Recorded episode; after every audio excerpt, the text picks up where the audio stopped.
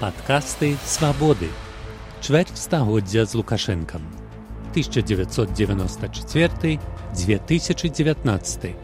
Серыя Сергея Навумчыка, прысвечаная апошнім 25 гадам найноўшай гісторыі Беларусі.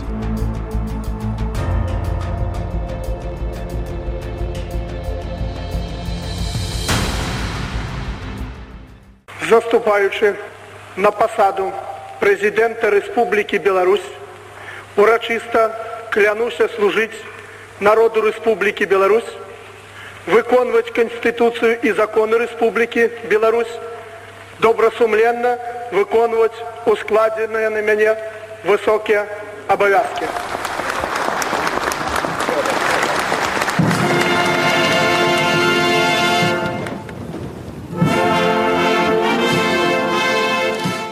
Адлік прэзідэнцтва александра лукашэнкі юрыдычна трэба весці вось з гэтай ягонай прысягі якая прагучала на сесіі вярхоўна савета беларусі 20 ліпеня 1994 году. Але першую перадачу цыклю прысвечанага 25 гадам прэзідэнцтва я пачну ўсё ж не з гэтага дня і не толькі таму што он прыпадае на сярэдзіну году. Перамозе лукашэнкі папярэднічалі некаторыя падзеі без якіх цяжка зразумець чаму першым прэзідэнтам быў абраны менавіта ён, а не нехта іншым.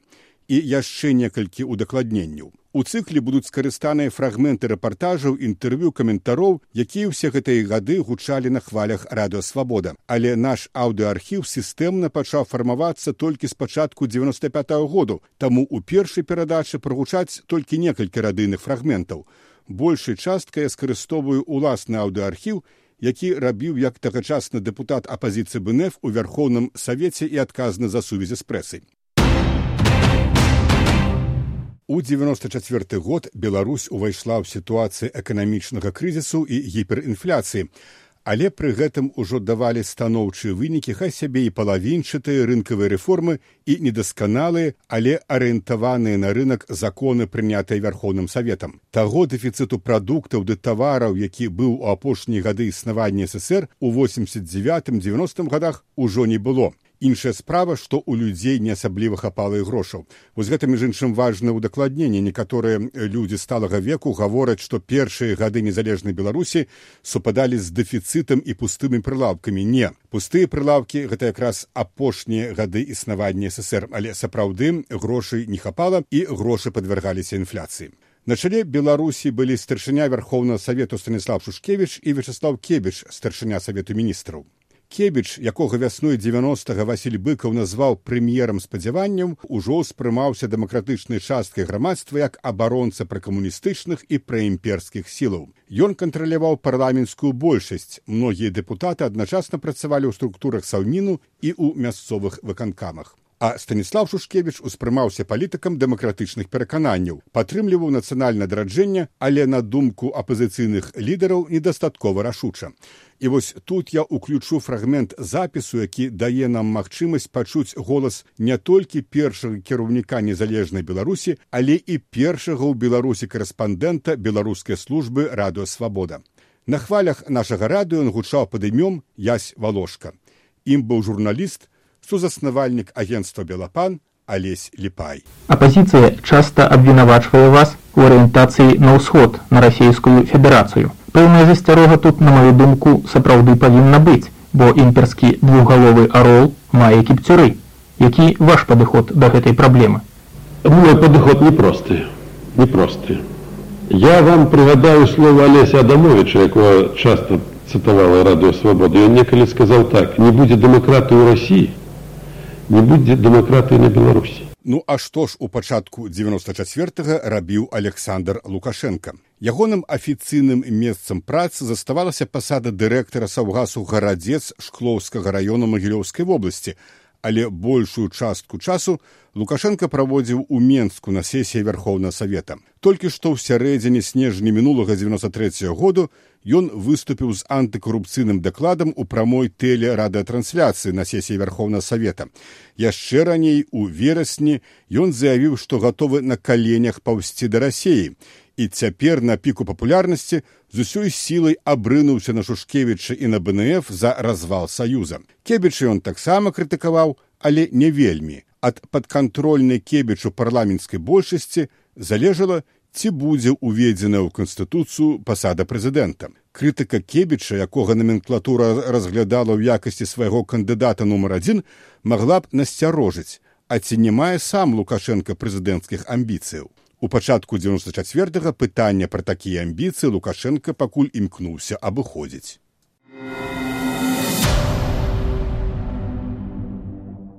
У палітычным сэнсе 94 год пачаўся 15 студзеня магутным акордам. У гэты дзень адбыліся некалькі важных падзеяў, пра якія я і распавяду. Адна з іх візіт у Менск прэзідэнта злучаных штатаў Амерыкі Біла Клінтона, цяпер успрымаецца як вяршыня міжнароднага прызнання тады яшчэ маладой незалежнай беларусі візіт амерыканскага прэзідэнта быў знакам удзячнасці за добраахвотную адмову беларусі ад ядзернай зброі чаго амерыканскі бок і не хаваў. І вось тут уключу фрагмент інтэрв'ю корэспандэнту свабоды александру лукашуку сакратара міжнароднай парламенцкай камісіі валенціна голубева. Беларусь ужо паўплывала на сітуацыю ў свеце калі верховны савет прыняў рашэнне аб тым што беларусь будзе без'ядзернай дзяржавай і гэта было адзначана ў свеце і адзначана такой краінай у першую чаргу як злучаныя штаты амерыкі вы лічыце што гэта пазітыўны прыклад між тым калегі нашыя суседзі на ўкраіне вельмі неахвотна развітваюцца з ядзернай зброяй калі параўноўваць сітуацыю беларусі і украіны тут ёсць значнае адрозненне украіна больш моцная эканамічна украіна моцна нацыянальным сваім духам і імкненнем да сапраўднай незалежнасці на беларусі была трохі іншая палітычная сітуацыя і мы былі праз ядзерную зброю нашмат больш завязаныя на рассею чым украіна. 15 студзеня у аэрапорце менск 2 прэзідэнта ЗША біла клінтона сустракаў потым суправаджаў старшыня вярхоўнага савету станіслав шушкевич але дзяржаўнае тэлебачанне зрабіла акцэнт на прысутнасць побач з амерыканскім прэзідэнтам вячеслава кебіча. Пра сустрэчу з клінтона са старшынём апазіцыі бнф зеленым пазняком і лідарамі апазіцыі тэлебачанне увогуле не сказала ніводнага слова У актавай зале акадэміі навук Білл Клінтон сустрэўся з моладдзю. Прэзідэнта ўразіла, што большасць прысутных не начапіла слухаўкі. Яны разумелі ангельскую мову без перакладу, што Клінтон успрыняў як знак пераменаў.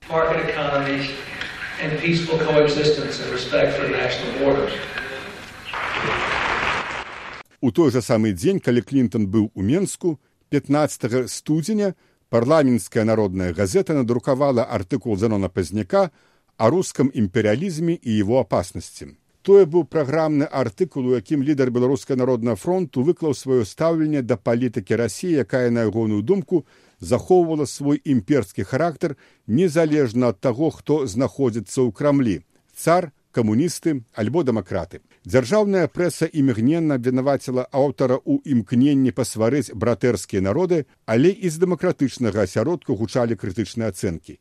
Ейцын гайдар успрымаліся дэмакратамі. І тады ж 15 студзеня беларускія праваахоўныя органы выдалі літве былых кіраўнікоў кампартыі літвы міколаса буракавічуса і йозаса ермалавічуса якіх абвінавачвалі ў спробе дзяржаўнага перавароту ў студзені 91 камуністы знаходзіліся ў беларусі нелегальна. Некаторыя дэпутаты верховна сайту беларусі ацанілі арышт як супрацьзаконны і запатрабавалі правесці закрытае пасяджэнне вярхоўнага савету.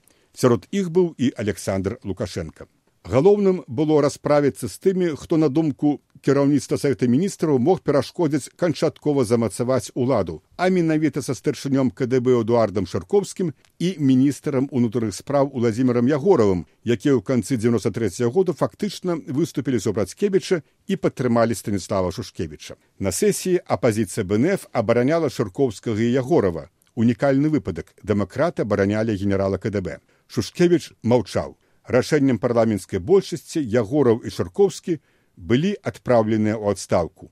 У выніку шушкевич страціў падтрымку у сілавых структурах. 26 студзеня станіслав шушкевич быў адпраўлены ў адстаўку. Скончылася блытаная кар'ера блытанага палітыка трыумфальна заявіў на прэсавай канферэнцыі пасля адстаўкі шушкевіча Віктор ганчар насамрэч тое завяршалася беларуская дэмакратыя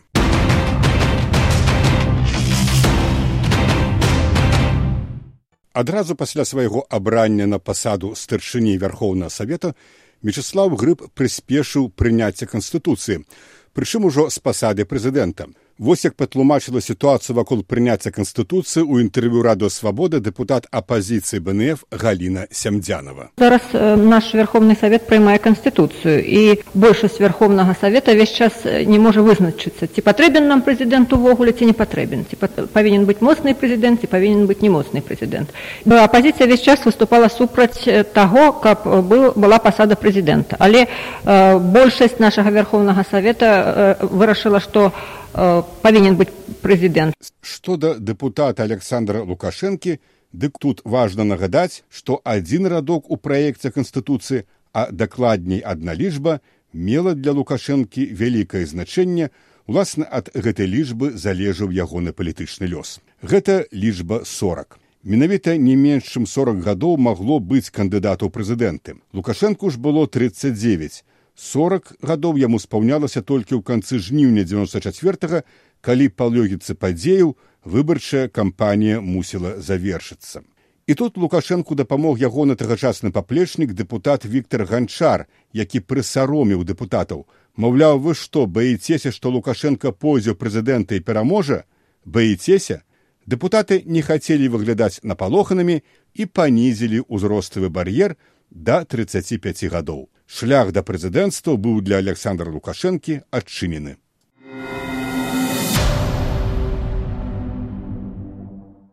сакавіка 94 году 236 дэпутатаў на чатыры дэпутаты больш, чым патрабавалася, прагаласавалі за праект канстытуцыі ў цэлым з прэзідэнцтвам. Ну а перад галасаваннем выступаючы авальнай зале я назваў канстытуцыю з прэзідэнцкай формы кіравання бомбай пад дзяржаву. Тады узняўся Віктор Ганчар. Не разумею, як можа дэпутат, з'яўляючы пра каштоўнасць суверэнітэту, адначасна называць першую канстытуцыю дзяржавы бомбай пад гэтую дзяржаву, абурыўся ганчар. На жаль, высветліць, хто з нас меў рацыю, нам разам з Віктарам ганчаром ужо ніколі не ўдасца.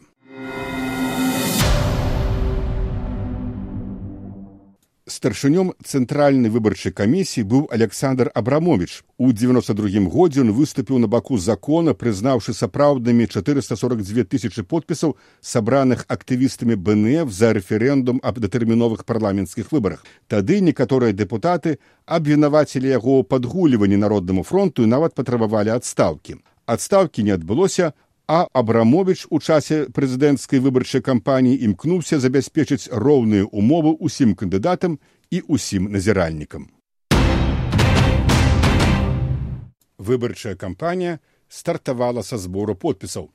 Паводле закону трэба было сабраць не менш як 100 тысяч подпісаў.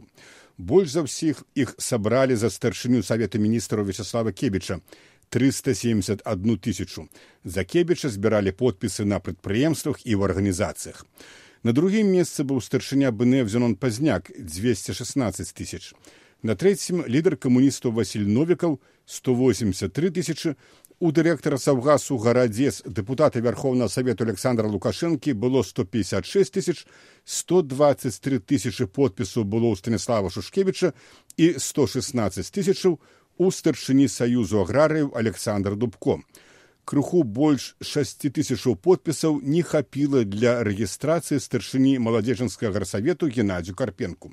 Між іншым пры зборы подпісаў за александра лукашэнку членамі ягонай ініцыятыўнай групы былі дапушчаныя некаторыя парушэння афармлення падпісных лістоў а ў часе рэгістрацыі ў цвк сам лукашенко не меў пры сабе пашпарту Але ў траўні 94 Лукашенко быў зарэгістраваны. Выглядае члены цэнтральнай выбарчай камісіі палічылі, што не зарэгістраваць барацьбіта з карупцыяй азначала б атаясамліваць саміх сябе з карупцыянерамі. Такім чынам выбарчая кампанія стартавала. Дзяржаўныя СМ няспынна давалі рэпартажы пра дзейнасць Вячаслава Кебіча як прэм'ера, рэпартажы гэтыя фармальна выглядалі нібыта і нявыбарчымі чорныя тэхналогіі былі скарыстаныя супраць станіслава шушкевіча у рэдакцыі дзяржаўных газет саўміну поступила каманда надрукаваць пераклад артыкулу з нейкай галянскай газеты у якім падавалася пра шушкевіча хлуслівая інфармацыя самой жа галянскай газеты адкуль нібыта быў зроблены пераклад, не існавала.